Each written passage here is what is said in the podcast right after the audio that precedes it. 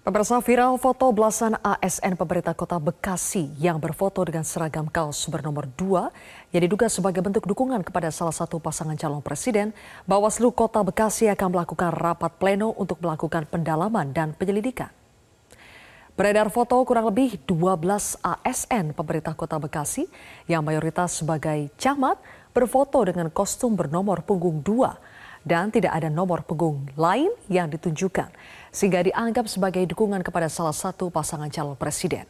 Terkait dengan foto tersebut, Bawaslu Kota Bekasi akan melakukan pleno khusus terkait dugaan ketidaknetralan para ASN tersebut.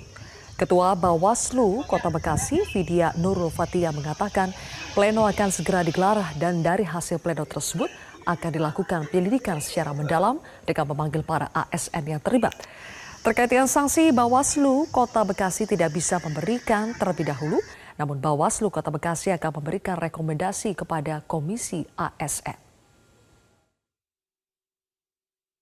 Laporan dari masyarakat sudah masuk kemarin pada tanggal 2 Januari hari Selasa dan akan kami lakukan mekanisme melalui pleno tentunya bersama Komisioner Bawaslu Kota Bekasi.